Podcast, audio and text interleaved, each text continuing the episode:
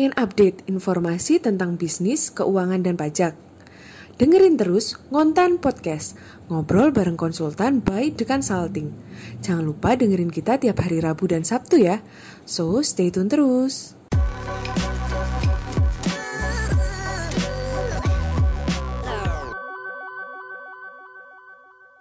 Halo guys, kembali lagi dengan saya Alif dari The Consulting. Kali ini saya akan membawakan materi yang sangat ditunggu-tunggu oleh uh, usahawan ya.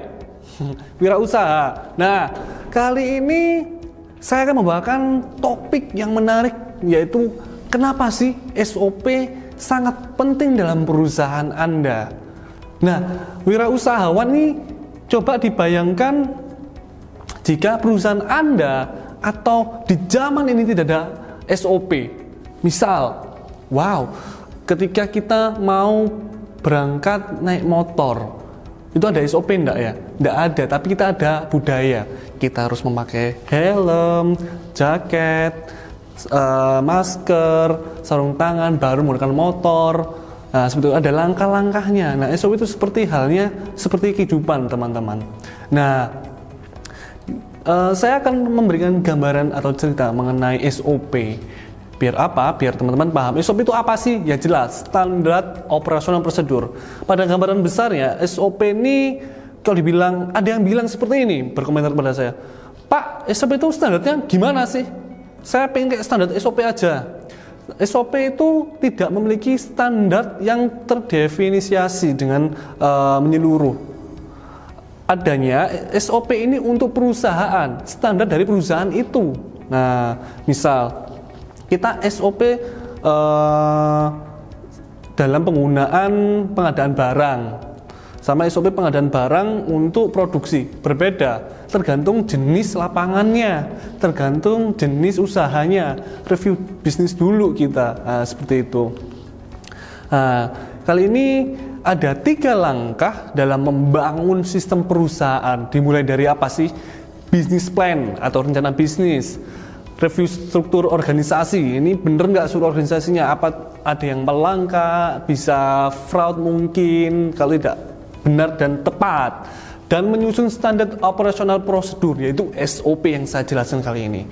Nah, rekan-rekan bisnis SOP ini seperti halnya rel kereta. Nah, coba bayangkan rel kereta ini. Ini pada umumnya SOP itu banyak yang bilang gambaran simpelnya itu ya gambaran umumnya itu rel kereta udah. Nah rel kereta itu disusun. Apabila SOP itu seperti rel kereta, uh, rel itu ya SOP itu. Jadi ketika rel kereta itu dibangun maka ada alurnya. Ada uh, sistematisnya yang benar dan baik.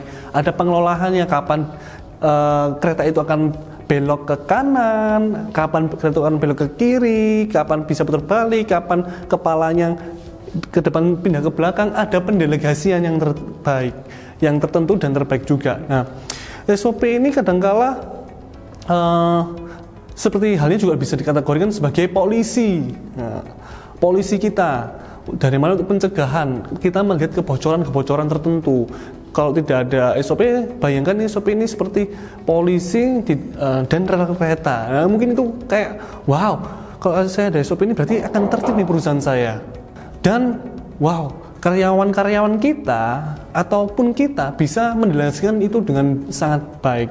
Apa itu SOP? SOP merupakan dokumen yang berkaitan dengan standar prosedur yang dilakukan secara kronologisnya untuk menyelesaikan suatu pekerjaan yang bertujuan untuk memperoleh hasil kerja yang lebih efektif dan efisien dengan biaya yang serendah-rendahnya. Nah, dengan SOP ini kita bisa mengkontrol biaya juga ternyata. Kenapa? Karena kita ada alurnya, ada tata caranya, ada penggunaan. Mungkin kita nggak ngeluarin uang sembarangan, kita bisa mencegah uh, turnover karyawan atau kita bisa mencegah uh, perputaran-perputaran piutang dan sebagainya dengan SOP itu dengan baik agar barang tidak cacat dan sebagainya macam macam-macam manfaatnya dan itu sangat baik untuk digunakan. Nah, SOP biasanya terdiri dari manfaat atau metode penulisan prosedur kapan dibuat atau direvisi. Jadi SOP ini e, misalnya, Pak saya mau awal usaha, buka usaha, saya buat SOP dulu, boleh. Atau Pak saya uh, udah punya usaha nih, udah udah 10 tahun tapi nggak punya SOP, segeralah buat, segeralah buat. Karena apa? SOP itu sangat penting. Terkadang kita nggak tahu nih SOP itu penting apa tidaknya itu dari mana. Karena mungkin kebocoran, bisa kecurangan, kebocoran atau uh, keteledoran dari oknum-oknum yang tertentu. Nah, banyak juga yang uh, menyepelekan SOP. Sorry ya, kita flashback yang tadi. Nah, kalau SOP mau direvisi itu silahkan. Mungkin semesteran, 6 bulan sekali baru direvisi uh, itu ada pembenahan-pembenahan. Banyaknya juga banyak yang menggunakan SOP itu uh, sorry banyak yang menyepelekan SOP karena apa perusahaan sudah eksis biasanya perusahaan-perusahaannya sudah eksis yang 60 tahun 50 tahun itu nggak punya SOP tapi dia masih sudah eksis aku udah punya omset banyak kok oh mungkin dengan adanya SOP anda bisa omset itu melanjak dengan alur bisnis yang baik. Kenapa? Uh, dan SOP bisa aja omset itu naik. Tapi bukan menjamin SOP ini bisa menaikkan omset ya.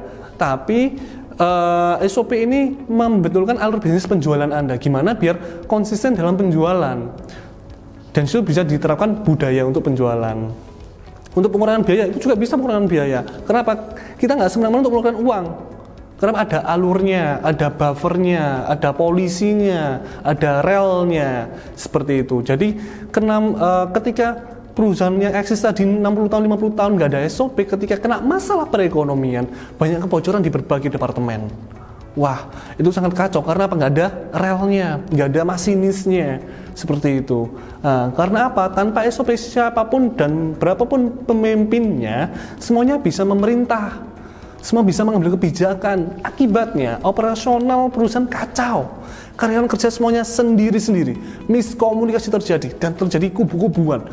Dan itu sangat tidak relevan. Itu bukan sebuah perusahaan. Itu mencerminkan bahwa kita belum siap menerima resiko-resiko dalam perusahaan. Coba cermati SOP itu dengan baik dan benar. Uh, ada uh, klien saya bertanya, seringnya ini ya, ini kalau saya uh, buat SOP jamin enggak apa omset saya naik, biaya saya turun. Lihat dulu Pak, SOP ini bukan hanya untuk menaikkan omset dan biaya, tapi mengontrol biar tidak adanya kecurangan, adanya pengendalian dan pencegahan. Nah, SOP ini menurut dari pribadi saya itu ada dua teman-teman ya. Pertama pengendalian. Di mana pengendalian ini apa? Ya SOP, alur bisnis, rel keretanya, pengendaliannya. Pencegahannya ini apa? Software, human.